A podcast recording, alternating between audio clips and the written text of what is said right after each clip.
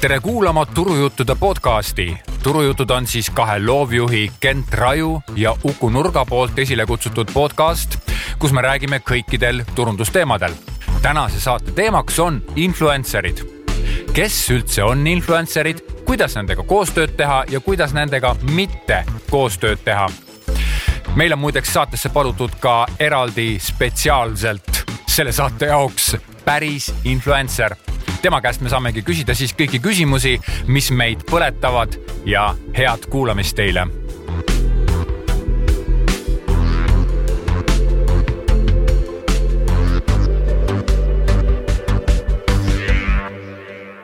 Meil on täna saates siis peale minu Uku ja minu Kenti. ka kolmas inimene, kelle nimi on Merit. ja, ja huvitav on see, et perekonnanimi on meil väga sarnane, Raju mis lugu sellega on?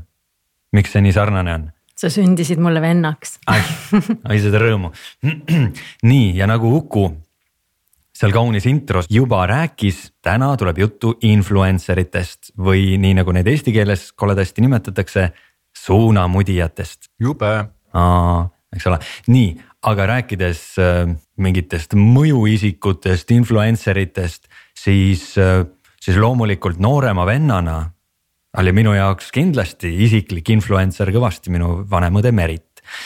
lisaks sellele, et ta mind on influence inud, siis influence ib siin natuke ka teisi, sul on äh, mõned raamatud ilmunud, kui palju neid on?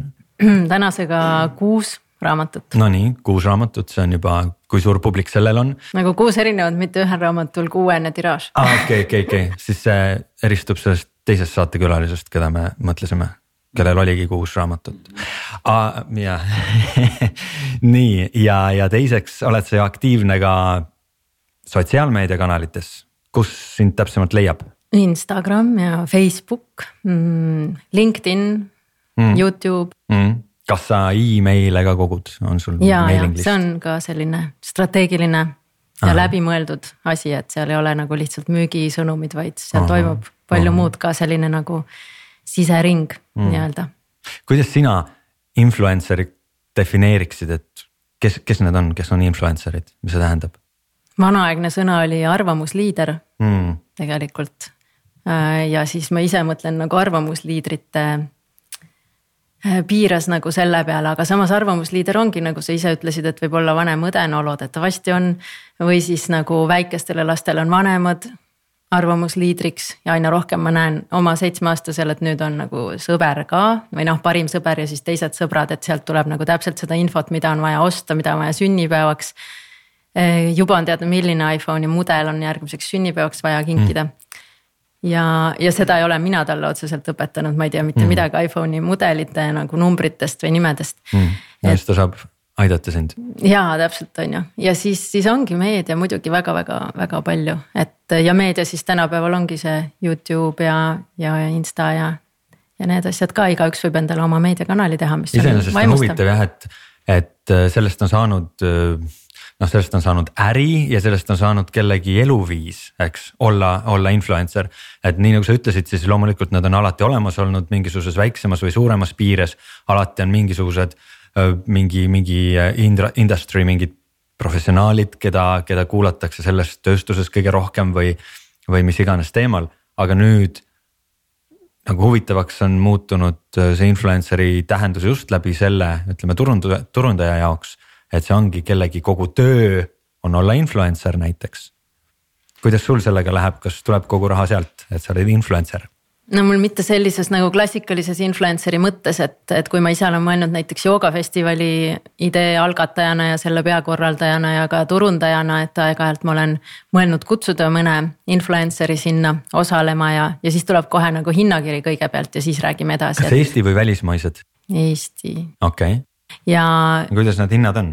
no soolased, ma ütleks mm., aga mis nagu näitabki tõenäoliselt seda väärtust või siis ka seda, et mis äh, kogemus on varasemalt sellega olnud, et see ongi olnud väärtuslik järelikult nendele firmadele, see ongi see äh, väärtuse hinna selline tasakaalupunkt, kuhu see on nagu kukkunud, et selles mõttes nagu sihuke kuussada, kaheksasada eurot, sealt alates võib üldse hakata rääkima midagi muideks äh, ma võin seda ütelda, et kui küsida mõne influencer'i hinnapakkumist näiteks meie samast üle lahe Soomest, siis seal Soome jaoks on meie hinnad, ma arvan, veel odavad.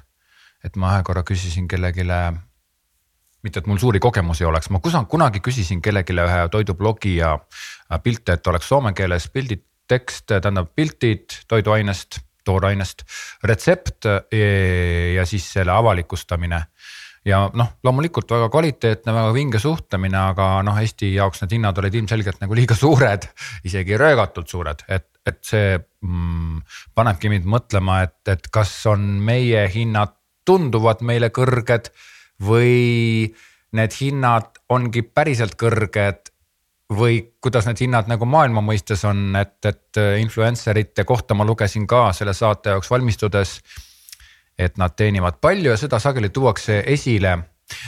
aga unustatakse ära siis see töö, mida see influencer teeb, et üldse sinna saada. ja ta ei taha ka ju ainult tasulisi asju teha, sest et siis hakkavad kõik sellest aru saama ja natukene niimoodi filtriga nagu võtma seda, mis, mis ta teeb, et ja see on jah, tõesti tema nagu isiklik persooni bränd ka, et selles mõttes sellel ongi teatud hind loomulikult, et sa ei hakka nagu iga toodet nagu enda nime alt nagu juhuu nagu jagama mm. -hmm. No, ja ma mõtlen, et huvitav, kas see tekitab influencer'ile ka sellise küsimuse, et kui on mingisugune toode, mida ta tõesti päris noh, tasuta tahakski rääkida sellest, et see on nii suurepärane asi. Et kas ta hoiab ennast äkki teatud olukordades meelega tagasi oodates seda diili, kuni talle pakutakse raha selle eest, et ta sellest räägiks, millest ta nagunii tahaks rääkida. ja teeb ettepaneku tõenäoliselt äh, firmale ka, ma arvan küll. ja, ja okei okay,, just, et see tuleb tema poolt see aga, aga üldiselt ma tooksin esile meil siin kahe, kahesugused influencer eid ja nendega paralleelselt ka kahesuguseid turundajaid, kes influencer itega nagu semmivad. ühed on need, kes teevad siis külmamüüki tere, kas te saaksite meile palun äh, osta näiteks Xbox'i Mm, või siis äh, uue iPhone'i, et äh, ma tahan seda oma mehele kinkida ja ma teen sellest teile postituse. ehk siis siin on siis näide, ehk siis osad turundajad ilmselt lähevadki siis sinna õnge, jah. minu nime mainitada, mainitakse ära selle kuulsa influencer'i poolt, kas siis artiklis või äh, videos ja teine osa nendest mm, influencer itest on võib-olla siis need, kes juba päriselt, päriselt nagu teevad seda, tegelevad influence'iga, mis siis on sihukene story telling rohkem. et sa oled nagu ka sisuliselt ise hõivatud, mina kujutan ette, et, et sinu puhul. Merit näiteks äh, ei tuleks kõne alla, et sa hakkaksid äh, reklaamima mingit ma ei kujuta ette, mida, et sulle tehakse äh, pakkumine. kas sulle on tulnud mingisuguseid pakkumisi, millest sa oled pidanud keelduma influencer'ina, kui sa, kui sa üldse oled saanud mingisuguseid pakkumisi äkki või? ja kuna ma annan ajakirja ka välja, Hingelepai ajakirja, siis sinna tuleb aeg-ajalt ikka, et nüüd me tahaksime tasulist lugu või. või ka lihtsalt reklaami, et siis meil on seal hästi selge poliitika, et tasulist lugu me ei avalda ja reklaami ka ei avalda. et selles mõttes on naljakas nagu ennast lihtsalt väljas hoida ka nagu sellest maailmast. aga kindlasti, kindlasti ükskõik mis laadi koostööl peab nagu olema see väärtuste klikk ja mingi selline mingi lugu, mis seob. absoluutselt, siin on, siin on muidugi ka see aspekt, et, ähm, et influencer eid on ju ütleme laialt võttes kahte sorti, ühed on sellised, ma ei tea, mingid mega influencer'id, kellel on meeletult äh, suur äh, fännibaas ja tänu sellele on see natukene laiem ka, seal on, seal on igasuguseid inimesi seas, et ja igal sellel, igal äh, influencer staaril on mingisugune oma, oma profiil ja olemus ja, ja inimesed, keda tema tõmbab kõige rohkem ligi. aga noh, mingites oludes on lihtsalt see nišš on laiem ja mingites oludes kitsam. et sinu puhul ilmselt sina pigem selliseid ökoinimesi, joogainimesi, hingeinimesi, midagi sellist äh, tervisliku elustiili inimesi ja mm., ja mu viimase sügise taipamine ongi, et see on tegelikult hästi väike seltskond Eestis. et ma arvasin, et äh, kuna minu tutvusringkonnas on nagu kõik minu tüüpi inimesed, siis ma arvasin, et kõik inimesed ongi sellised mm. -hmm. et äh, hoolivad oma tervisest juba noh ennetavalt ja, ja nagu lülitavad ööseks elektri välja, et mitte ennast nagu seal mingi koormata nagu üleliigse stressiga ja nii edasi. mulle tundus see juba tavaline ja siis nüüd mul on nagu sügisel olnud kokkupuuteid nagu päris maailmaga natuke rohkem ja siis ma olen aru saanud, ohoo. no näiteks nagu ajakirjanikuna ma olen nüüd võtnud vastu mõned nagu pressiürituste kutsed, et mis tõesti, kui graafikusse sobib ja kui ja kui temaatika sobib, siis ma olen läinud sinna ja siis tuleb välja, et noh, ökoasju mhm. ostetakse kuskil üks protsent nagu ostudest nagu jaekaubanduse ostudest, ökoasju on üks protsent. siis mõtlesin, aa okei okay,, siis ma päris väikses nagu seal Mhm. pundis mm. -hmm. siis ma käisin mingi toidu innovatsiooni, toidu innovatsiooni konverentsil. Seal oli ka, et nagu veganeid on üks protsent ja taimetoitlasi on kolm-neli protsenti siis kokku, mis sisaldab neid veganeid, siis ma mõtlesin, et oi. et jälle ma olen nagu seal mingis tohutus vähemuses, et tegelikult mm. -hmm vahel on nagu vaja sellist taipamist ja arusaamist, et kui suur su järgijaskond üldse võib olla, on ju. jah, jah, jah, noh just ja ähm, et nagu ma enne mainisin, siis, siis sellised jah, mega-influencer'id siis, siis tegelikult Eesti mõistes, kuna maailmas nimetatakse mikro-influencer iteks kõiki, kellel on kaks tuhat kuni viiskümmend tuhat jälgijat. siis see enam-vähem võtabki kõik Eesti influencer'id kokku, et, et pigem nad ongi kõik mikro sinul vist on kuskil kuue tuhande kandis, nii et sa oled ilusti selle lävepaku ületanud ja just täpselt siin loebki see, et kui spetsiifiline on sinu nišš et nagu ma Ukule ka siin enne saate algust just mainisin, et kui sa oled mingisuguses äris, kus sul ongi noh, ma ei tea, sada või tuhat inimest üldse. keda sa mõjutama pead, noh näiteks mingisuguses business to business siis äh, situatsioonis ja sa neid inimesi juhtumisi mõjutadki, oledki seal see arvamusliider, siis need tuhat, kui sul on tuhat jälgijat ja need kõik on need õiged inimesed, siis that's it, all you need. ja, ja, ja hästi oluline on see suhte loomine nende inimestega, et mina teen seda, ma ei tea, kas siis kõige rohkem emaili teel, mis on nagu suht vanaaegne, aga seal saab vähemalt seda. noh, on üks viis nagu seda story telling ut teha, mina kui nagu ka raamatute autor või selline tekstide armastaja inimene. ja siis no näiteks ma tegin ajakirja tuleviku teemal küsitluse oma inimeste hulgas ja seal oli nagu kuidagi isegi nagu negatiivne tagasiside oli nii ilusti ja nii südamlikult edasi antud, et ma vaatasin, et aa, täiesti nagu minu inimesed, et nii tore, et meil ongi see mm -hmm. nagu suhe tekkinud mm -hmm. nende aastatega, mis ma olen kord nädalas saatnud emaili, millest siis. kord kuus on nagu müügi email ja ülejäänud korrad ma püüan ja. väärtust pakkuda mm, -hmm. et see on kuidagi kohale läinud ja nagu noh, need inimesed ongi nagu minu inimesed. siis oled, siis oled jah õigesti toimetanud, sest ma arvan, et üks asi, mida millest peaks iga influencer hoiduma, on tegelikult tema profiilile sobimatute inimeste äh, sattumine tema jälgijate sekka, sest äh, kui ta neid just ei saa ümber veenda oma jutuga, siis, siis sisuliselt on see võimalus endale lihtsalt trolle saada. siin tuleb mulle meelde Gary V ehk siis Gary Van, Vanderchuk kindlasti keegi oskab seda nime paremini hääldada, aga tema mm, postitab siukseid tükikesi, väga inspireeriv mees muideks aga ta on hästi intensiivne, nii et võib-olla ma sulle, Merit, seda ei soovitagi, sulle võib-olla sihuke midagi mahedamat natukene, jah. aga äh, Gary Vanderchuk ütles niimoodi, tema juurde tulevad väga palju, ta on äri nii-öelda inspireerija, õudselt lahe mees, väga lahe, mulle meeldib, minu profiiliga sobib. ja ütles niimoodi, et üks loodustoite propageeriv influencer äh, daam, noor neiu kes Instagramis siis tegutseb mm, ja, ja ta, tal on niisugune mure. sihuke mure, et vaata tema nagu looduslikke toiduaineid propageerib aga noh, loomulikult äh, Instagram ja tütarlaps on väga ilus niimoodi, et ta tahes-tahtmata näitab ka mingil määral oma tisse ja peput, eks ole.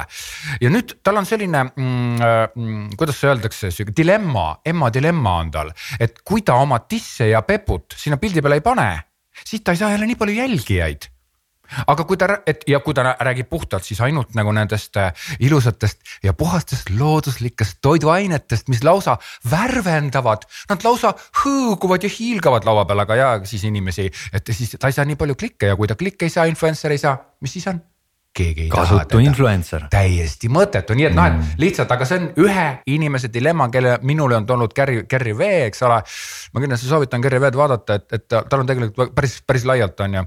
nii et äh, siin on jällegi selle, selle teema jätkuks, et, et sa ei tohi ennast kunagi valesti kommunikeerida või siis sa kommunikeeridki ennast nii, nagu ka Eestis on mõned, kes on lihtsalt nagu nii-öelda külmamüügi tegijad.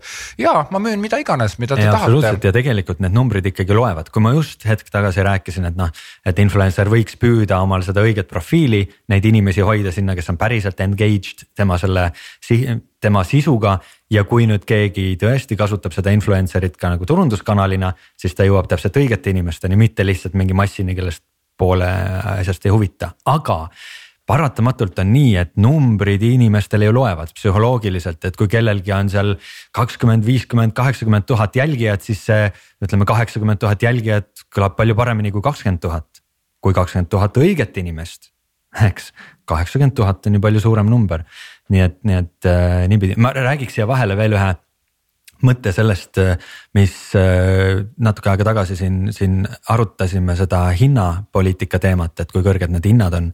ja siin ma tooks nagu mõne momendi välja, et äh, esiteks mulle tundub küll, et enamasti on Eestis influencer ite kasutamise hind natukene ülepaisutatud üks selle põhjuseid on äh, muuhulgas, ma arvan, see, et, et viimasel ajal ma olen näinud, et riigihangetel kirjutatakse juurde, et sul on kohustus kasutada mingisugust influencer'it selle sotsiaalmeedia kampaania läbiviimisel. ja läbi selle noh, lihtsalt äh, tekib seda turgu, tekib seda nõudlust ja, ja hinnad lihtsalt lähevad väga üles, et. et äh, meenub üks lugu, kus äh, mingi neljateistaastane Youtuber küsis viieteist minutise esinemise eest neli sotti. et noh, selle rahaga saab tegelikult nii-öelda päris, päris täiskasvanud inimese tunniks ajaks või, või kaheks rääkima või kuu aega Facebooki kampaaniat siia vahele ma võin teile siis äh, lugeda äh, hindasid, mille mina leidsin siis lihtsa Google'i otsingu tulemusena. Äh, Instagram, siis influencer ite hinnad. esimesel kohal Liis Lemsalu, kaks tuhat kuussada eurit euri kuus, kui palju ta võiks teenida oma postitustega, postituste eh, hind enamuses eh, ütleme siukses superstaaridel Eesti mõistes nagu Liis Lemsalu on siis kuussada, seitsesada eurot. Kristjan Mere kaks tuhat kolmsada eurot kuus teenib, tema võiks teenida arvatavalt Merilin Taimre, väljaspool kant vist jah, kaks tuhat kakssada euri kuus võiks tema teenida, Mariann Treimann tuhat üheksasada eurot kuus, mille, mida ma imestan siiralt, et Mariann Treimann on ju niivõrd aktiivne ja kõike nii-öelda igal pool kõik teavad teda, kuidas ta nii vähe teenib. Katri Palm, seda ma ei tea, tuhat seitsesada eurot kuus võiks teenida. Mari-Leen Albers ja Meelis Tomson teenivad tuhat kolmsada euri kuus. ja rohkem ma siit ei loe, aga noh, põhimõtteliselt, et kui palju võiks Eesti influencer'id üldse kuus teenida oma hinnanguliselt mm -hmm, oma mm -hmm. nagu teenustega. just, aga seesama list äh, võtab tegelikult kokku ainult just selle Instagrami poole, et kui nad ise on veel ka blogijad, Youtube erid, siis sealt tuleb juurde. iseenesest niimoodi neid numbreid vaadates, need ei ole ülemäära kõrged. et äh, ilmselt on siis nii, et aeg-ajalt äh, mõni mõni selline noh, võib-olla tõesti just teismeline, kes alles sellega alustab ja talle tundub, et ongi miljonid võimalikud selles äris ka Eestis. siis küsib äh, sedasorti hindu, aga need, kes on juba established, kes on juba selles äh, äris tükk aega sees olnud, need on noh, saavad aru, kuidas tegelikult käib ja ma usun, et väga palju, eriti mikro influencer ite tasandil on ikkagi nii-öelda lihtsalt tasuta toote, näidiste, teenuse mm, pakkumisvõimaluste, noh umbes tule meile massaaži ja räägi sellest et, et kindlasti paljudel juhtudel ei saadagi selle eest otsest rahalist kasu. ma võin teile rääkida ühe rohkem nagu naljana enda ühe loo oma väikesest influencer'i karjäärist ja nimelt mina pidasin seitse aastat siis sellist blogi, mille nimi oli jaatisekunn.net ja loomulikult äh, see läks mul untsu, ehk siis äh, ilma rahata ma võiks, võinuks seda teha nii palju, kui ma tahan. kuidas oli kerge sellega tegutseda, et näiteks loosid välja, mul oli seal Facebookis, mille konto ma panin kinni, oli üle seitsme tuhande jälgija ja siis oli, kuidas ma siis äh, sain neid jälgijaid, oli niimoodi, et ma kõiki jäätisetootjaid ju muidugi tundsin, ma olen külas käinud ja jutustanud, rääkinud nende kõigiga ja mina siis loosisin välja näiteks ühe kasti kellegi jäätisetootja jäätist, mm, pulgajäätist, üks kast, eks ole. ja mina seda kasti ei puudutanudki, mina selles Instagramis või selle Facebookis loosisin välja ja saatsin pärast siis jäätisetootjale lihtsalt aadressi. Uh, nüüd mi, mi, mi, milline on siis see Eesti kogemus ja milline on minu kogemus sealt, äh, mis minu jaoks sai selgeks, et Eesti on liiga väike, et sellist asja teha. punkt üks, punkt kaks, äh, Eesti inimesed on sellised, et noh, et näiteks küsimus, et kuidas, kuidas sa tunned ära, et eestlane vihastab kuidas sa tunned ära, et eestlane on rõõmus? kuidas sa tunned ära, et eestlane on ääretult kurb? ja kuidas sa tunned ära, et eestlane on rahulolematu? ühesõnaga äh, praegult podcast'i kuulajad seda ei kuule, absoluutselt ei kommenteerita, ei räägita mitte midagi, et noh. Äh, hea näide oli see, et ma pidasin seda kusagil kolm-neli aastat ja ei mingit tagasisidet, midagi, väga lihtsad inimesed vastasid mulle.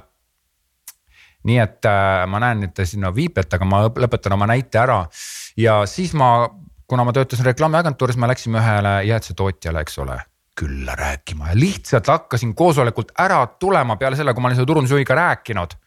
ja siis ma ütlesin, et noh, et ja, ja, ja ma tean teie jäätiseid küll, et ma ise ju pean jäätise blogi ja jäätisekunn ja. ja selle peale see eh, turundusjuht ütles, jaa, loomulikult, ma loen su blogi kogu aeg, me teame kõik sinu blogist. väga huvitavad jutud on.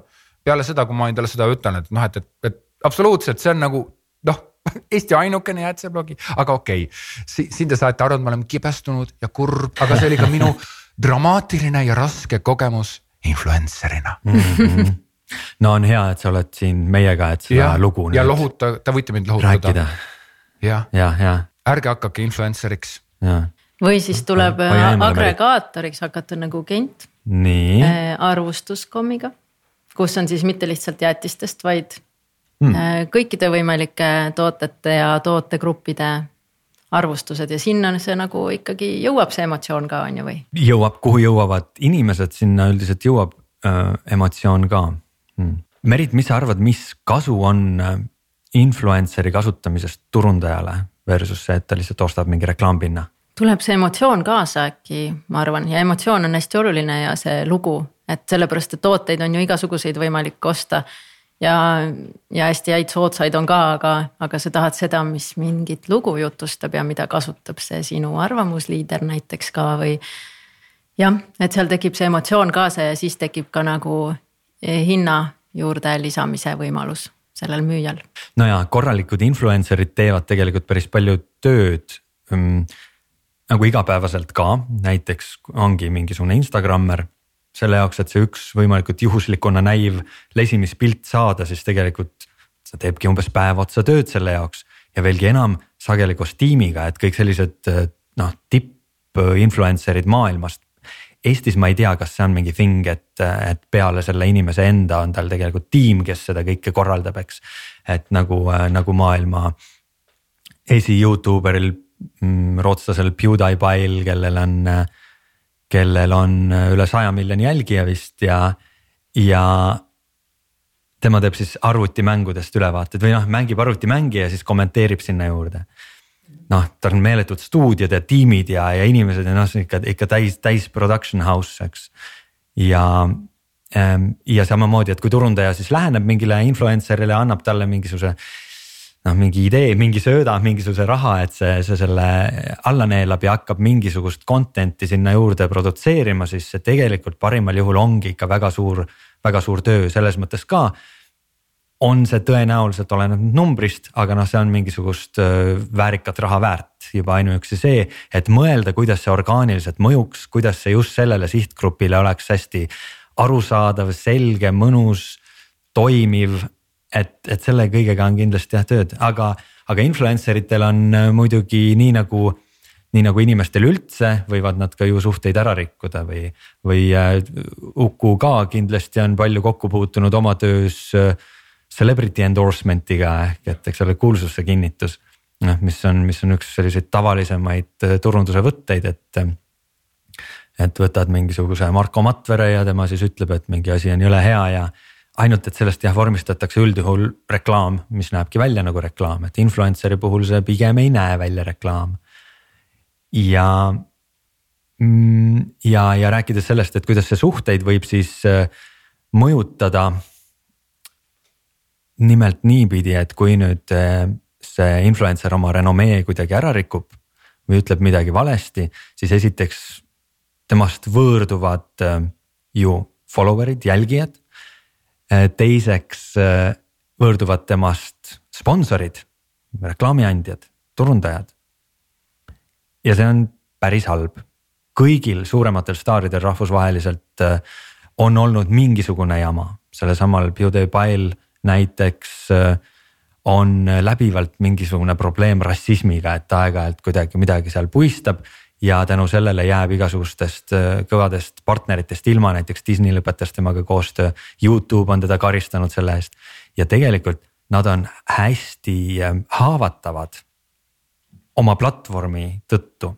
näiteks Youtuber on ju ülihaavatav Google'i poolt et kui ta nüüd läheb kuidagi pahuksisse Google'iga ja Google ta kuidagi rank ib sinna allapoole või üldse tema kanali kinni paneb, siis hea küll, ta alustab kuskil mujal platvormil uut, aga see kindlasti ei ole enam sama hulga fännidega, eks, et, et võib-olla pooled tropivad sealt ära. okei okay,, see on väga-väga õige jutt ja tegelikult, kui me vaataksime influencer eid ja influencerlust üleüldse kui positiivset turundus case'i, siis ma ikkagi ütlen, et nad on tegelikult väga lahedad, eriti need influencer'id, kes oma nagu lifestyle'i järgi kõike seda nagu promovad, sellepärast et kui mul oleks näiteks mingisugune sihukene hingetoode, mm, mis minu hingetoode võiks olla näiteks mediteerimisplaat kus meditatsioonimuusika, mille ma olen teinud, eks ole, siis ma ilmselt Merit sinu kaudu seda ka vähemalt me lepiksime sinuga kokku, kuidas seda kasutada, võib-olla see kasutusviis ei olegi see, et, et osta nüüd uh, uus ajakirja tellimus, saad nagu plaadi peale kauba on ju, vaid see võiks olla nagu midagi nagu geniaalsemat, nii et üldiselt ma arvan, et mm, influencer'id on väga-väga lahedad ja see on väike sammuke sellest suurest maailma külmast turundusest soojaturunduse poole, nagu sa siin ka rääkisid, tegelikult igasugune äh, astumine sellest lifestyle'ist välja äh, rikub sinu resümee ära koheselt. ja teiseks, kui me räägime veel, läheme tagasi hindade juurde, siis äh, äh, kui me mõtleme selle kasu peale turundajale, siis tegelikult me ikkagi elame kapitalistlikus maailmas. alguses ma kuulsin siin mingisugust viu-viu, ahah, on kallid või? Kas küsivad palju raha või? Oi-oi-oi-oi-oi, niimoodi ei tohi rääkida, sellepärast et iga inimene, kes teeb tööd, küsib oma töö eest raha, eks ole. nüüd, kui on keegi firma, kes selle töö eest raha maksab, siis on kõik korras, eks ole, kui mina ütlen, et minu kolm sõna maksab näiteks teile maksab nelisada tuhat, siis kui te ütlete jah, miks ka mitte, siis järelikult see on seda väärt, nii et influencer ite puhul mina pigem ütleks nii, et, et leidke see koht ja küsige see raha. kui et, et äh, nagu eestlased tavaliselt tavatsevad ütelda, no palju sul jälgijaid on, siis vastavalt sellele võtame, et kui sul on ikka nagu mingisugune viissada jälgijat, no siis sellest ei ole mitte midagi, ma panen, parem panen selle sada, sada eurot kusagil mujal, ostun autole mingisugune no,. tegelikult see on mõtlemise koht igal juhul, et tegelikult ja. tulebki igal juhul, see on matemaatiline Just. tehe, ega turundus ei ole see, et mulle lihtsalt mm. meeldib mingi influencer, et annaks talle raha, ükskõik palju ta küsib, vaid it has to make sense. jah, just, et tegelikult ja, ja tead ja on veel see asi, et tegelikult rahvusvahelisel areenil on see, et mitte, et kas see, kas selle influencer'i kasutamine toob sulle kasu vaid suurte influencer ite puhul on see, et aga mina tahan oma toodet tema nii-öelda räägita, räägitavas jutus näha, sellepärast et see on mulle, minu brändile tähtis.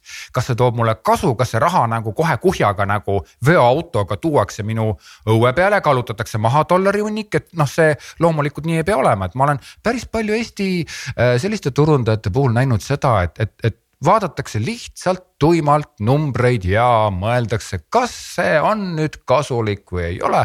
justkui nagu mingit ajalehe väljaannet või siis sellisel puhul on ju Eesti turundajad, palun lõpetage ära igasugune influencerite kasutamine ja pöörduge ainult televiis-, televisioonikanalite poole. sellepärast, et ühel näiteks eh, keskmiselt TV3 saatel on mitu vaatajat. super prime time'il ütleme sada, kakssada, kolmsada tuhhi, palun kõik, seo, punkt ja meil ei olegi millestki rohkem rääkida ja nagu te näha võite, ongi äh, Rimis sealiha kolm viiskümmend, eks ole, palun neid reklaame on täis. Need ei olegi reklaamid, need on kaubanduslikud teadaanned, nii et te, tegelikult me ei saa ka iga kord rääkida seda, et, et mis on see turundajale see kasu.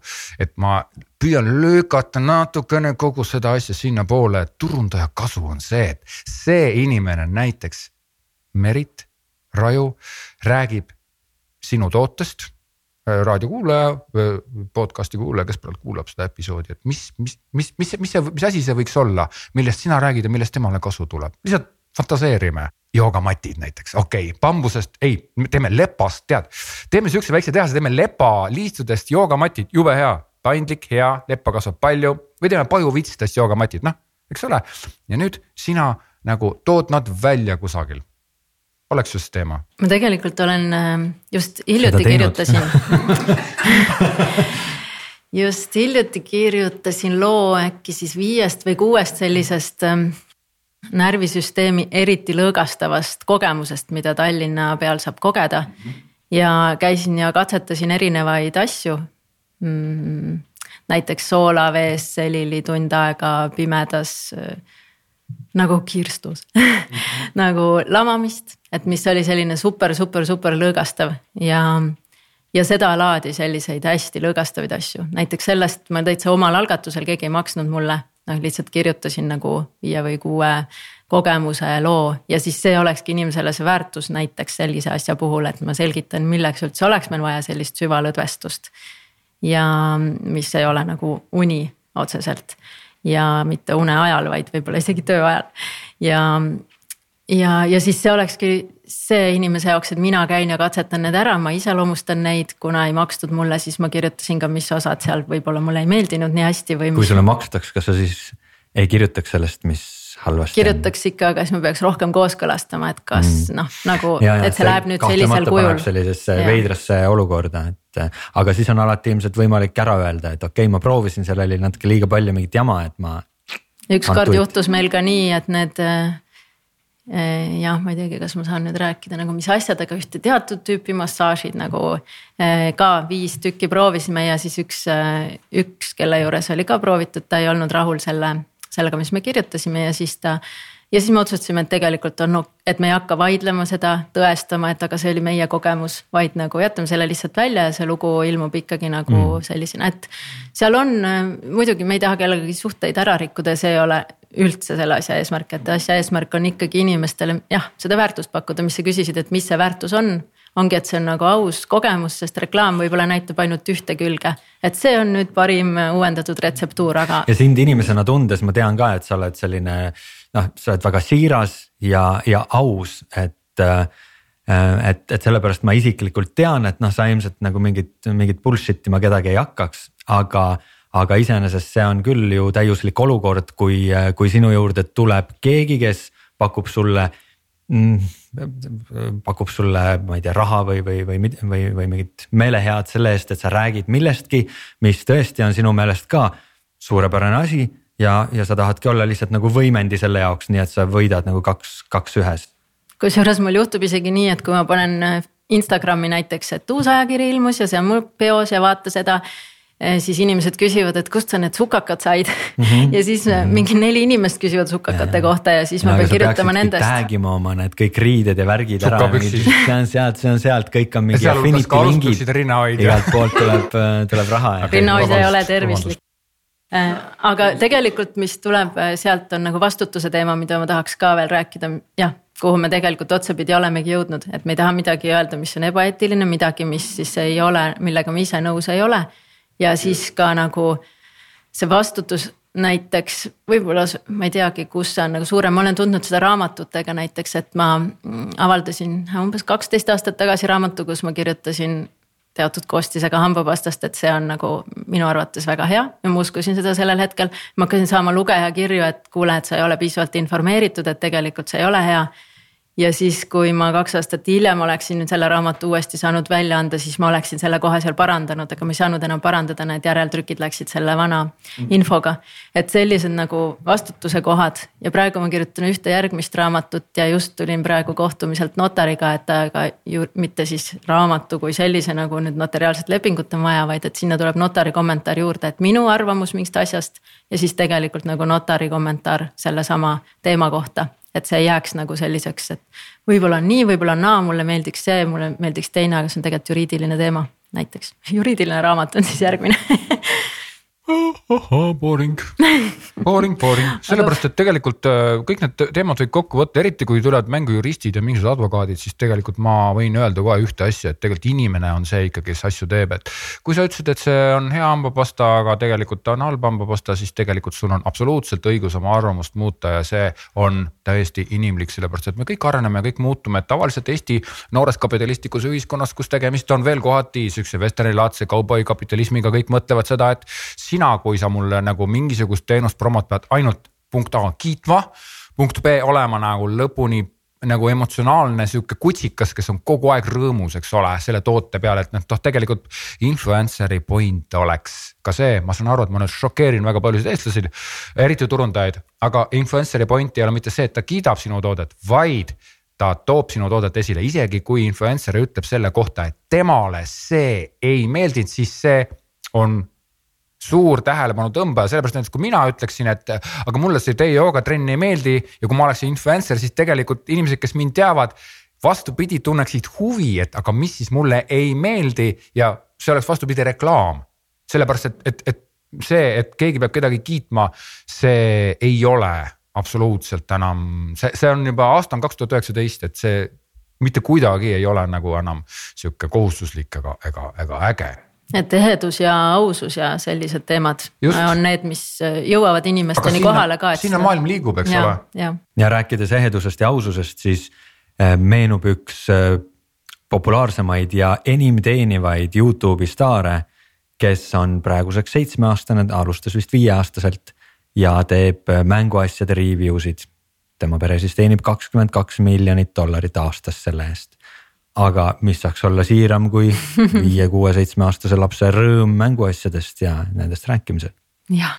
Äh, üleüldse influencer ite puhul äh, ma tooksin esile selle, et kui ma tegin saate jaoks uurimistööd, siis äh, ma kõrvalmõttena kogu aeg mõtlesin selle peale, et mille peale ma kardan ka, et väga paljud turundajad ei mõtle, et aga kas sa ise päriselt, ma pöördun praegult sinu poole, kes seda episoodi kuulab, kas sa ise tahaksid olla influencer? mõtle nüüd selle peale ja sa oled kogu aeg nii-öelda online'is, sa oled kogu aeg kuulsus, sa oled nagu celebrity. ilmselt Eesti tingimustes on see natukene keeruline, et tegelikult sa ikkagi müüd oma persooni avalikkuse ees ikkagi kogu aeg. ma arvan, et see influencer'i selline influencer olemine on noh, ma kujutan ette, et üks selliseid top ameteid, mida praegu mõni noor võiks, võiks endale tahta. Sest iseenesest see kõlab nagu lihtsam versioon sellest, et olla kuulus näitleja või, või, või kuulus, kuulus mingisugusel alal, sest kui sa oled mingi elustiili influencer, siis sa mida siis see oleks, lihtsalt elaks oma elu ja oleks sellepärast kuulus. et see kõlab nii ahvatlevalt, et ma ei pea mitte midagi tegema ja sajad miljonid inimesed jälgivad mind ja ma olen kõige kuulsam ja saan hästi palju miljoneid raha ja kõik on nii hästi. aga tegelikult just unustatakse ära, et esiteks see on räme töö, et see on hull-hull töö, et seal tipus olla ja püsida, et sinna jõuda. Teiseks, konkurents on ülitihe, sellepärast et kõik ju tahavad olla lihtsalt kuulsad, sellepärast et nad on nemad ise. Ja kolmandaks, see nõuab ikkagi teatud persooni, see nõuab karakterit, karismat, kõike, kõike, kõike sellist, et lihtsalt puhta jõuga sa lihtsalt ei saa influencer'iks. Mm,. väga õige, nõus, hääletame selle poolt ja päris ebamugav on aeg-ajalt ka, nagu näiteks mina hullult kardan igasuguseid tehnoloogia vidinaid ja arvuteid ja mul päriselt juhtub ka igasuguseid asju seal, et nii, nüüd kustus kõik ära ja ja, ja minu jaoks on hästi palju nagu mugavustsoonist väljas toimetamine ka see, et nii okei okay,, millise Ole mikrofoni ma tellin ja mul on juba kaks mikrofoni. ja, ja siis nüüd ma õppisin monteerimist ja et need kõik asjad tulevad, mis on nagu hästi ebamugav, ma märkan, et ma vahepeal hoian lihtsalt hinge kinni ja nagu klõpsin seal ja vaatan, nii nüüd kadus kõik ära. oi, mis sorry, see nüüd kõik läks, et no,. et sa kasvama ise ka. influencer, eks õnneks, õnneks, õnneks, võib-olla nagu mingitele fossiilidele nagu mina. kui sa oled selline andtehnoloogia isegi natuke, et siis, siis sobib hästi. kuule, aga anna, anna nõu nüüd, et kui keegi päriselt tahab saada influencer'iks, mis ta tegema peaks, kust ta alustama peaks, mis eeldused peaks olema? Et mis on sul see sõnum maailmale? võib-olla sa ei jõua esimese küsimusena selleni, aga, aga tegelikult, mida sa öelda tahad või mida sa siis influence ida või mõjutada tahad mm. -hmm. ja mhm. see ideaalis peaks siis olema täiesti nagu raku tasandini nagu noh.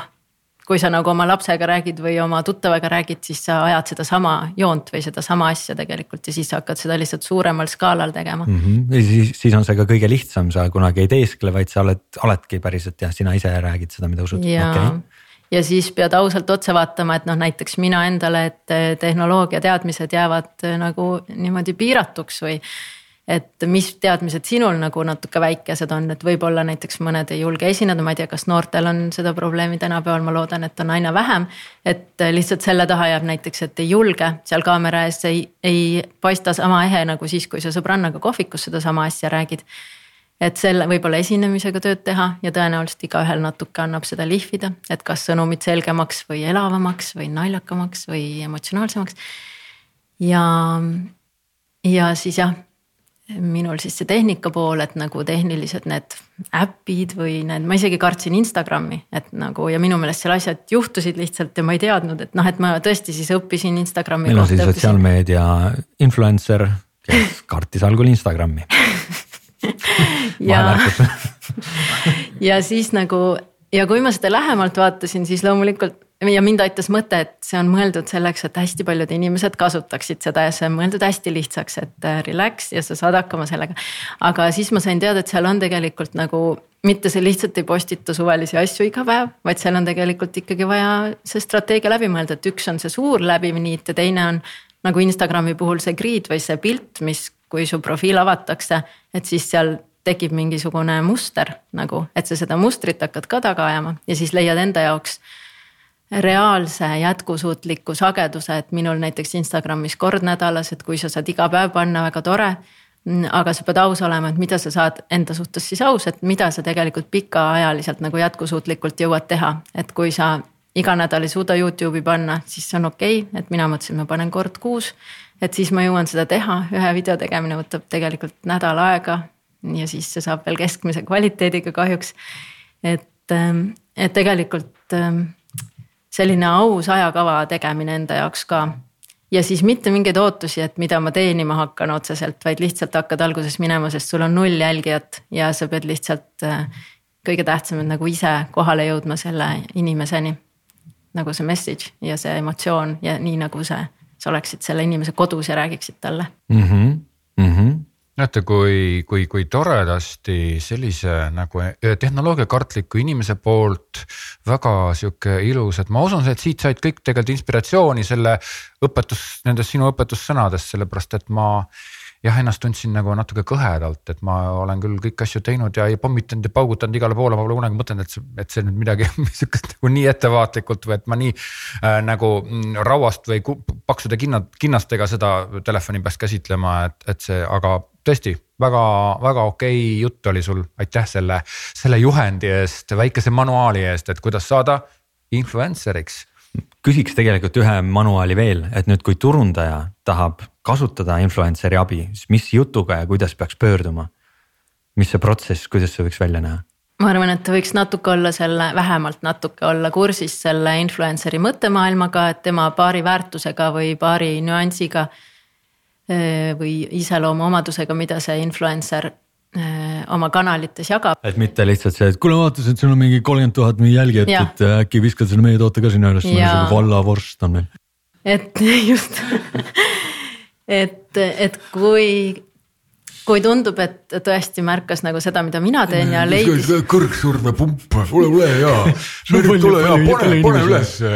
mul seda kuradi keegi ei osta seda noh väga hea pump ei ole ka, see ei pumpa väga hästi ja siis ongi järgmine, et saada see pump vaatamiseks, kogemiseks ja, ja ära oota, et sellest kindlasti tuleb mingi asi, et siis see on nagu suhte ehitamine, et vaatame, et kas see tõesti nagu kõnetab mind. et peaks nagu pikaajalist suhet püüdma arendada selle influencer'iga? no selles mõttes, et mitte, et ütle mulle homme, kuidas see oli, et no näiteks ma sain ühe tasuta raamatu wow. ja siis äh, tuli teade, et kuidas see on mulle meeldinud ja ma ütlesin, et ma ei ole veel seda kätte saanud ah,. oi, vabandust, me saadame sulle kohe ja siis nad saatsid ja siis mm, mul tekkis nagu, et me ei rääkinud, et mis selle nagu ootus on, aga ma nagu arvasin, et seal ootus võib olla, et võib-olla kirjuta sellest raamatust üks hetk kuskil, aga mm, et siis tõesti antaks nagu aega seda raamatut rahulikult lugeda ja anda mulle ka nagu see ruum, et kui see raamat nagu üldse ei kõnetanud, siis nagu jätame selle asja sinnapaika.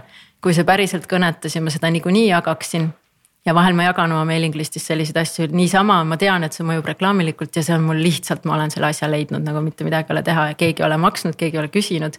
ja lihtsalt tunnen, et ma tahaks jagada.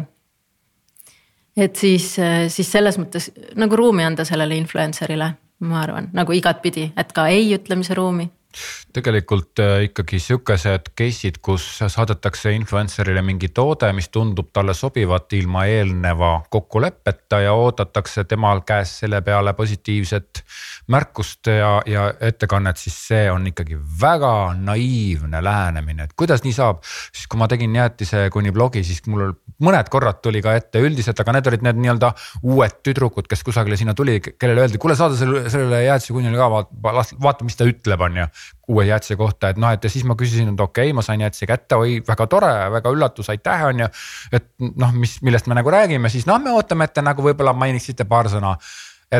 Nagu kustkohast te seda ootate või kustkohast te seda mainite ja et jäätise eest, et noh, et, et see oli minu kogemus, aga ma täiesti tunnetan, et selline üldine hoiak on, on jah, väga palju sees, nii et äh, turundajad, ärge, ärge saatke ilma mingisuguse kokkuleppeta tooteid lihtsalt kellelegi proovimiseks ja et te siis ootate, et no nüüd see influencer eeldada eeldada ei maksa Jaa., aga teine asi ka see, et mida sa äh, Uku vist mainisid või, või küsisid, tähendab Meritit, et kas see peaks nagu selline ühekordne, et äkki see on nagu mingisugune laiem koostöö ja kui sa päris alguses äh, nimetasid story telling ut, siis, siis ma võtaks selle kokku nii, et, et jaa, et pigem see ei tohiks olla see, et äh, noh nagu, nagu, nagu toimib makstud artikkel kuskil, et lihtsalt see on ühekordne artikkel ja nii, nii ta läks ja nii ta on. vaid pigem võiks sellist asja vaadatagi tõesti mingisuguse noh, nii-öelda ma nimetaks seda kampaaniaks siis, eks, mis iganes tema ajaline piiratus või piiramatus on, aga et ta pigem ei ole selline ühekordne endorsement mingile asjale, vaid et aa, nüüd ma olen jälle siin mingi uute nurkade alt seda valgustada. noh, sest, sest tavaliselt esimese korraga asjad ei toimi ka, et see tahabki nagu tilgutamist, tahab omaks võtmist ja siis kolmanda-neljanda korra all ja selle külje ava, avaldumisel järsku sa vaatad, et okei okay,, et äh, ma võiks ka seda proovida. Muideks ma just hiljuti sõitsin, eile sõitsin Tartusse, üleeile, üleeile. sõitsin Tartusse ja tagasi ja siis ma seal kuulasin muidugi podcast'i ja ma kuulasin siis Brian, Brian O'Connori mm, podcast'i, kuidas Chelsea ja Hillary Clinton, kes on äh, siis välja andnud ühe raamatu äh, naiste, naisteemadel, ma ei mäleta, mis see raamatu nimi oli, aga põhimõtteliselt siis Conan kutsus nad külla, et nad räägiksid oma sellest raamatust ja loomulikult see oli väga õudselt lahedalt, mulle nii meeldib, kuidas see Conan teeb, mismoodi see saade on üles ehitatud. Ja tõsiselt on kihvt kuulata ja nad.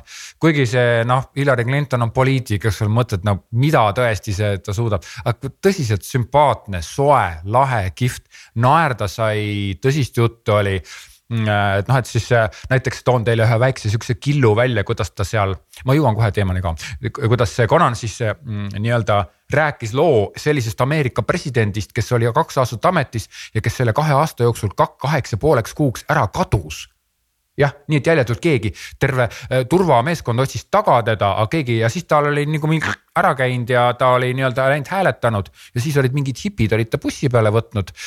oma väikse siukse hipibussi peale, et Hello, hey you look like our president. ja siis, et noh, et, et nagu, aga noh, hippidel oli jumala kama kaks, et ost käib ja on ja.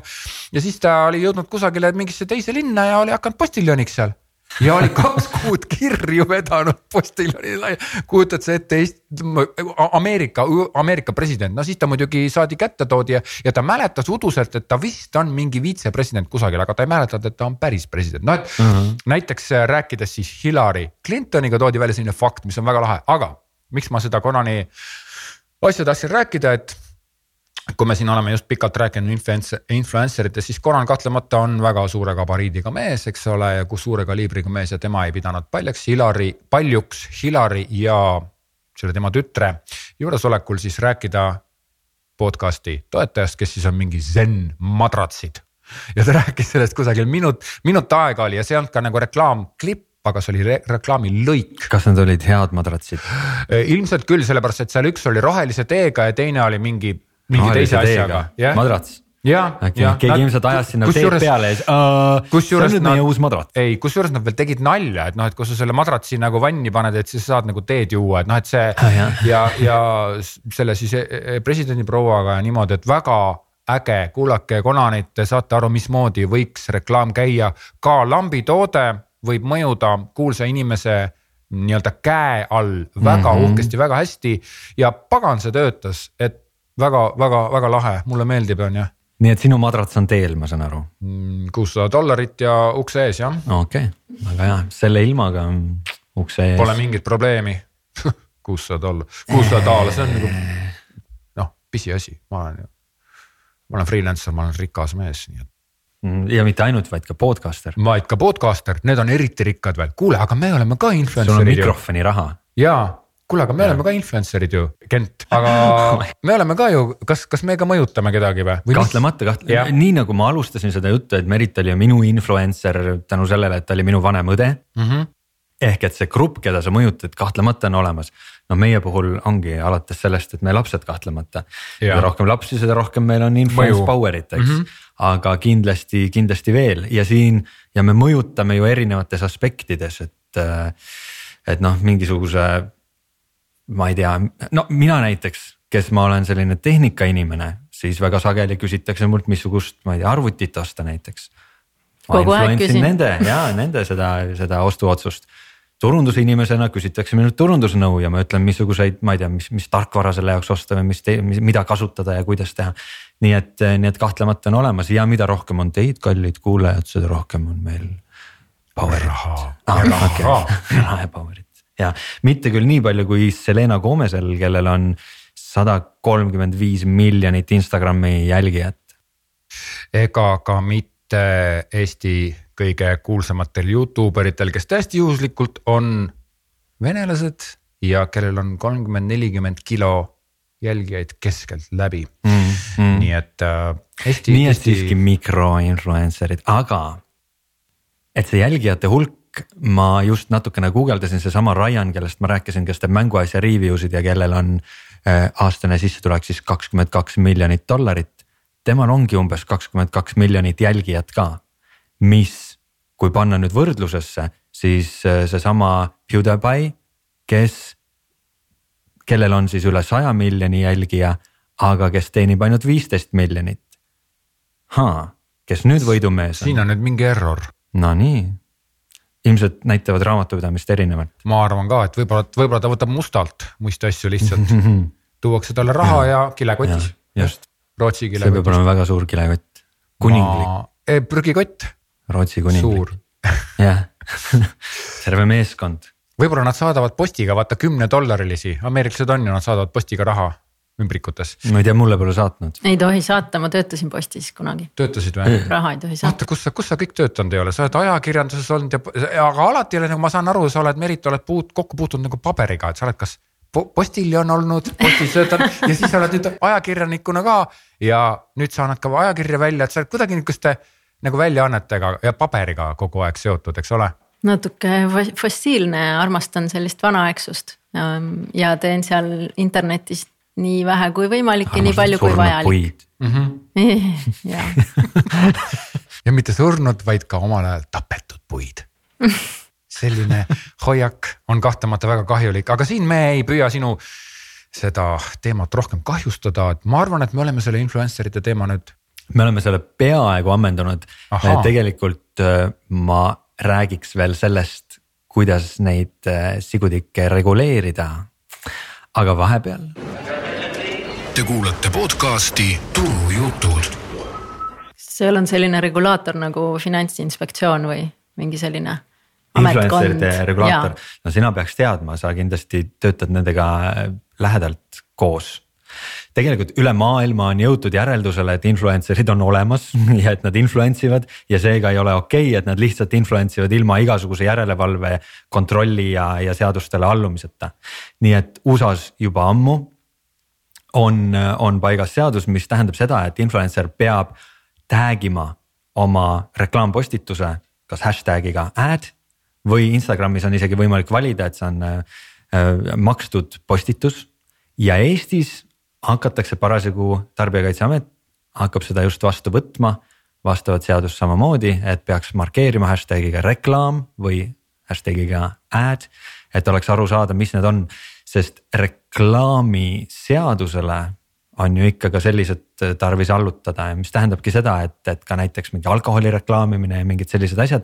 millel on kas mingid selged piirangud või sootuks keelatud reklaamiseadusega, siis neid asju ei tohi ka influencer enam siis äh, ma ei tea, endorse ida. jagada. jagada mm, -hmm. müüa, jah, just mm,. ja selline, muidugi väga ja. hea mõte, sest muidu mm. ongi, see läheb kuidagi ühtlaseks massiks ja seguks muude postitustega mm. -hmm. mina ise reklaamin ainult omaenda tooteid ja siis ma ei ole niisugust hashtag'i lisanud mm. -hmm. ja Eestis minu teada ei ole veel seda kohustust, et hakatakse just, koostatakse seda eelnõud aga lihtsalt mainitakse, et hea tava Mm, koodeksi alusel, ma lugesin eile ka seda päris palju, et ikkagi suht vabatahtlik nagu kohustuslik on see tag sinna juurde panna, kui sa ikka kellegi teise tootest räägid, siis minule see tegelikult, tegelikult ka meeldib. ja mulle isegi vahel tundub olulisem see, et kui sa räägid mingist tootest ja sa räägid sellest omal algatusel ilma maksmata, siis kas sa pead selle ära mainima, sest muidu mõtlevad kõik, et sa teed jälle, jälle mingi reklaam ja okei okay,, kiida, kiida on ju. Et siis, et selles suhtes ka selline kummaline aspekt tuleb juurde tegelikult on see influ, influ, influencerlus väga lahe ja see mõjutamine on väga kihvt, mulle meeldib, sellepärast et see on, internet on uus asi kogu inimkonna ajaloos, meil on õnn elada sel ajal, kui influ, influencerlus tekkis. ja loomulikult sellise uue asja puhul on siis väga palju teadmatust, kartmist eelkõige mm, ja on seda, et, et ei, ei veel ei teata, millised probleemid veel tekivad. et tegelikult üks asi on see, et kas nüüd panna sisse jällegi hashtag sinna juurde või mitte, aga kui sa mõtled selle peale, et tegelikult et meie siin oleme, elame mingis väikses Eestis, aga meil on siin kõrval mõni riik, kes on palju suurem kui meie, Venemaa näiteks jah, ja seal on raha miljonites rublades ja, ja kujutate ette, ta ostab lihtsalt ära mõne väikese influencer'i kusagil pisikeses Eestis ja, ja kukub ujutama teda üle oma rubladega. Ja mis see tähendab siis, kõik hashtag'id pannakse juurde nii nagu peab, aga see influencer räägib täpselt seda juttu, mida tahab Vene valitsus, mõtelge, milline turvarisk see on. Ja sedasi me võime mõjutada tuhandeid Eesti noori inimesi. Mm,. Täpselt sama asi ju ajakirjanduse puhul, et jah, need riskid on, on, on samad. Ja ma vaatan praegu siin kõrval, et äh, uudistei, uudiseid, et Instagrami suurim teenija on USA tõsielus staar Kylie Jenner, kes saab ühe sponsoreeritud postituse eest umbes üks koma kaks miljonit dollarit per postitus. Ja kui ma enne rääkisin sellest, et äh, kuidas noh, vanasti taheti ikka saada näitlejaks ja teenida läbi selle, siis mulle tulebki pähe, kuidas kunagi, äh, kui äh, Sõbrad, Friends, see telesari. kui tema oli oma kuulsuse tipul, siis ühe osa eest sai ka iga näitleja miljon dollarit. nii et see on huvitav, et nii-öelda üks surakas tööd on keskeltläbi miljon dollarit, mis iganes äh, mis iganes kuulsuse eluala puhul selline väike üldistus. globaalselt siis Eestis on see teisiti. jah, on kaks väike. aga kas me tõmbame selle influencer ite teema nüüd kokku? võib-olla veel see, et äh, seda saab reguleerida jah, niimoodi, et äh, nagu me rääkisime, et hashtag reklaam, aga nagu alateadlikku mõju me ei saa kuidagi reguleerida ja seal on see vastutuse mm -hmm. pool, et näiteks mm. -hmm. ja nüüd tuleb jooga koht, et jooga järgi nagu lapsed kusagil üheteistaastaselt võiksid täitsa nagu vanemate juurest ära kolida. et traditsiooniliselt Põhja-Indias see olevat nii olnud sellepärast, et neil tuleb just see teismeiga peale ja siis, kui nad peavad vanematest eralduma, siis seal samades ruumides, kus nad kõik koos elavad, siis läheb nagu uste paugutamiseks ja nagu intensiivseks see nagu eraldumine. ja nad ei lähe päris omaette elama või lihtsalt boyfriend'iga elama üheteistaastaselt või girlfriend'iga.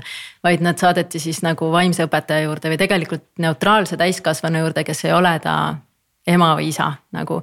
ja, ja kes on siis nagu selline autoriteet ja see olevat meil nagu geenides, et me tahame teismelisena otsida see noh, see vanem nagu ei ole enam see, sedasorti iidol, nagu ta oli kuueaastasena ja me tahame otsida nagu väljastpoolt endale sellise iidoli, kelle järgi nagu asju teha ja siis noh, muidugi see sotsiaalmeedia annab hea võimaluse leida endale see iidol ja. ja mis see, mis ma selle alateadliku mõju all mõtlengi, on see, et ähm, sotsiaalmeedias me näeme ainult ühte nüanssi selle inimese elust ja siis me tahame kuidagi sarnaneda alateadlikult või. ja eriti noored, kes on nagu kergesti mõjutatavamad ja lõpuks tuleb välja, et see iidol oli tal noh, anorektik või tegi overdose'i nagu narko üledoosi või midagi, et, et sellised asjad on nagu hästi ohtlikud ka. ja sinna ei saa panna hashtag, et ole ettevaatlik, see ei ole. teen varsti overdo-, üledoosi. või see ei ole kõik, mis, kes ma olen tegelikult väga kihvt, see on muideks väga oluline, sellepärast et ma ise ka tean seda, et väga paljudel Eesti inimestel on, noortel just nimelt on depressioon. Ja ühe mm, põhjusena tuuakse välja just see, et kuidas nad on saamatud ja suutmatud äh, sotsiaalmeedias, sellepärast et seal on sihuke show-off käib ja, ja see tekitab depressiooni, nii et. täielik show-off jah, vahel, vahel vaatad mõnda mõnda Facebookis või Instagramis, keda, keda sa isiklikult äh, tead ja vaatad, kuidas see postituste elu ei lähe üldse sellega kokku, mida sa tegelikult tead tema elust. jah, nii, aga meie liigume saatega edasi.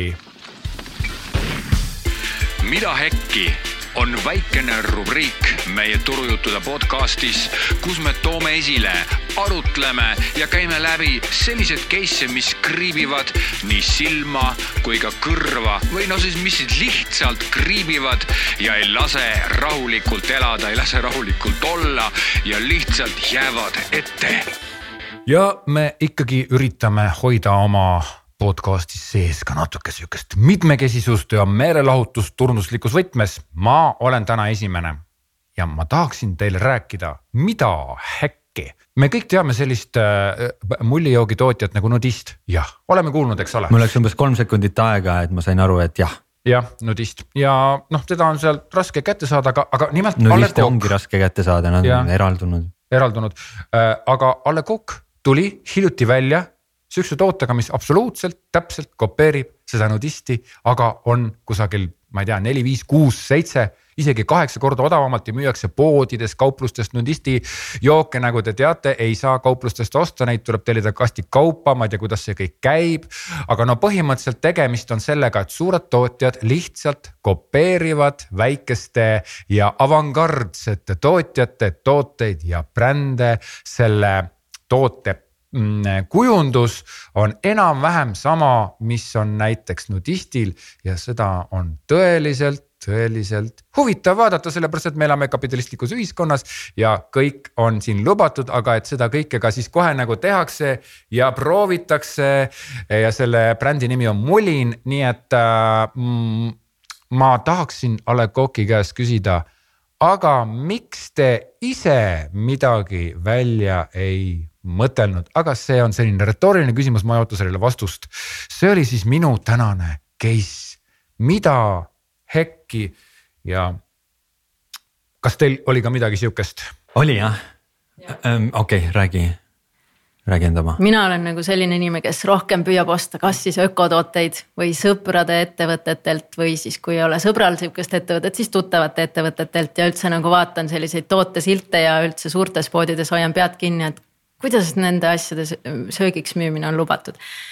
ja siis ma siiski lapsele ostan aeg-ajalt jenkinätsu, no ma olen elustel ostnud kaks pakki jenkinätsu, ta on seitsmeaastane wow. ja tal on äh, sellised. mis nätsu siis tavaliselt? hästi sakilised, tavaliselt ei ole nätsu on ju ja siis ähm, lihtsalt on nii sakilised hambad ja ma tahan tal nagu neid hoida ja jänki on nagu noh, seal on need soomlaste uuringud, et neil on palju vähem kaariast sellest saadik, kui nagu jänki on müügil olnud ja siis ma läksin sinna Selverisse seda jänkit ostma ja küsin, et aga kus on, et nagu kakskümmend aastat on kogu aeg olnud ja, ja nüüd on ainult Orbit. ja siis müüja lihtsalt laiutas käsi ja ma ei tea, kas see oli see kassa, kas see oli see Selver või kas nüüd ongi nii, et lihtsalt Orbit on nagu tugevam reklaami mõttes ja mida globaalsem? mida jänki lihtsalt jänkil on parem suhkur kui Orbitil ja, ja mul oleks nagu noh, Orbitit ma ei ostnud ja jäingi nii, et mida äkki vastus on Prisma tegelikult ka, sellest äh, Uku mm, Uku Hekist äh, tuleb mul meelde see, kuidas kunagi oli hästi populaarne jook linnuse kali. ja kuidas Coca-Cola selle kunagi siis ära ostis. mitte sellepärast, et see isegi oleks selline äri, kus nad tahaks olla. vaid pigem nad tahtsid ära koristada selle. see linnuse kali, ma ei tea, kas ta on siiani saadaval, ta põhimõtteliselt ei kadunud äh, küll kohe ära aga mõte oli selles, et omada seda brändi, mis sööb Coca-Colat ja suruda teda veits nagu eest ära. kontrollida seda brändi ja nad osteti jah, sellepärast ära, et, et Coca-Cola soovis olla pigem mitte suruda seda alla, aga nagu te teate, eh, karastusjookide tootjatel on väga oluline see, et kui suur on nende turuosa Eestis ja kui sa omad liiga väikest protsenti, siis ei saa sa mida riiulipinda, häid läbirääkimistingimusi, mõnusalt nänni jagada ja midagi muud, ühesõnaga kokkuvõttes sa ei saa feimi ja sulli ja kõike seda sa ei saa. ja siis Koka ja Linnusega oli kokku andis piisava Just, hulga mõjuvõimu. miks te muidu arvate? võiks öelda influence'i. Influence'i ja miks te muidu arvate, mikspärast müüakse endiselt seda pokk eh, kaheliitrist ja kaheksa voldilist õlut? sellepärast, et joodikud esiteks ostavad seda, teiseks see annab mahtu juurde ja näiteks A Le Coq või siis Saku saavad minna ja ütelda, aga meie maht on nii suur, kakskümmend kolm protsenti kogu Eesti turust, ma ei tea, võib-olla sihukest mahtu ei ole. ma ei tea numbreid, aga ma tean, et see on kõik ainult protsendi pärast ja väga paljud inimesed on ju alkohoolikud tänu sellele, ma kunagi ehitasin aeda jah, omale maja ümber. ja aeda siis... ei saa ilma õlleta ehitada. ei saa, no peremees, ära pahanda on ju. mitu ja korda sa vastu sõrmi lõid omale haamriga? mina ei seonud seda õlut, aga ma võtsin omale ehitajad appi ja seal oli siis kaks tükki olid siuksed no enam-vähem okei okay tüübid, aga üks oli see. sihuke väike vanem, vanamees oli, kes siis võttis hommikul selle poki omale kõrvale ja õhtuks oli ta siis täiesti siruli maas ja need kaksteist meest, kaks ülejäänud meest, kes olid siuksed enam-vähem kõlblikud, siis tegid seda aeda edasi, et see väike. olid aiakõlblikud. no absoluutselt jah, aiaposti kõlblikult ja ilma aiapostita seisid püsti, nii et. aga jällegi, see ei ole praegult minu probleem, see on äri ja kõik mind rohkem ärritab see, kui midagi tehakse maha selle asemel, et ise mõtelda ja ise teha. mida hekki? sellega oleme me oma saatele saanud ringi peale üks tund ja kuus minutit on see saade siis saanud pikk ja see on podcast'i jaoks täiesti normaalne, sellepärast et podcast nagu eelnevalt mainitud, kunagi ennem, eks ole, ei ole kiirmood ega, ega mingisugune kiirreklaami formaat, mille sa kuulad ära ruttu ja lähed siis oma järgmisi teenuseid tarbima, vaid. meie üldiselt eeldame, et te kuulate meie podcast'i mitu korda järjest. ja seda, seda ka see võtab päris kõvasti aega. kusjuures seda peaks saama ka aeglasemalt ette mängida, eks ole, null koma viie kiirusega näiteks. jah, vastavalt player'ile saab küll jah. sest siis jääb iga sõna hästi meelde. jah, ja le leidke meie podcast siis Stitcherist, kui te sihukest asja teate, see on Ameerikas väga levinud näiteks mm. -hmm. ja leidke meid ka Apple'i podcast idest ja leidke meid ka Androidi podcast idest ja leidke meid ka. Spotify'st. Spotify'st ja yeah., ja leidke, leidke meid ka turujutud.ee veebilehelt. ja samamoodi olete oodatud liituma meiega Facebooki lehel nimega ka Turujutud podcast, nii et öö, äh, otsige üles, liituge, kuulete alati kõige värskemate podcast'ide saabumisest ja saate sõna sekka öelda ka, millest me rääkida võiks veel. aitäh, Merit. aitäh teile. ja aitäh. ja lõpusõna kõlab Kent Räju poolt. austatud kuulajad, nagu ikka sel ajal, sel päeval, head aega. mõnusat turundamist. mõnusat mida? turundamist. ma mõtlesin, et undamist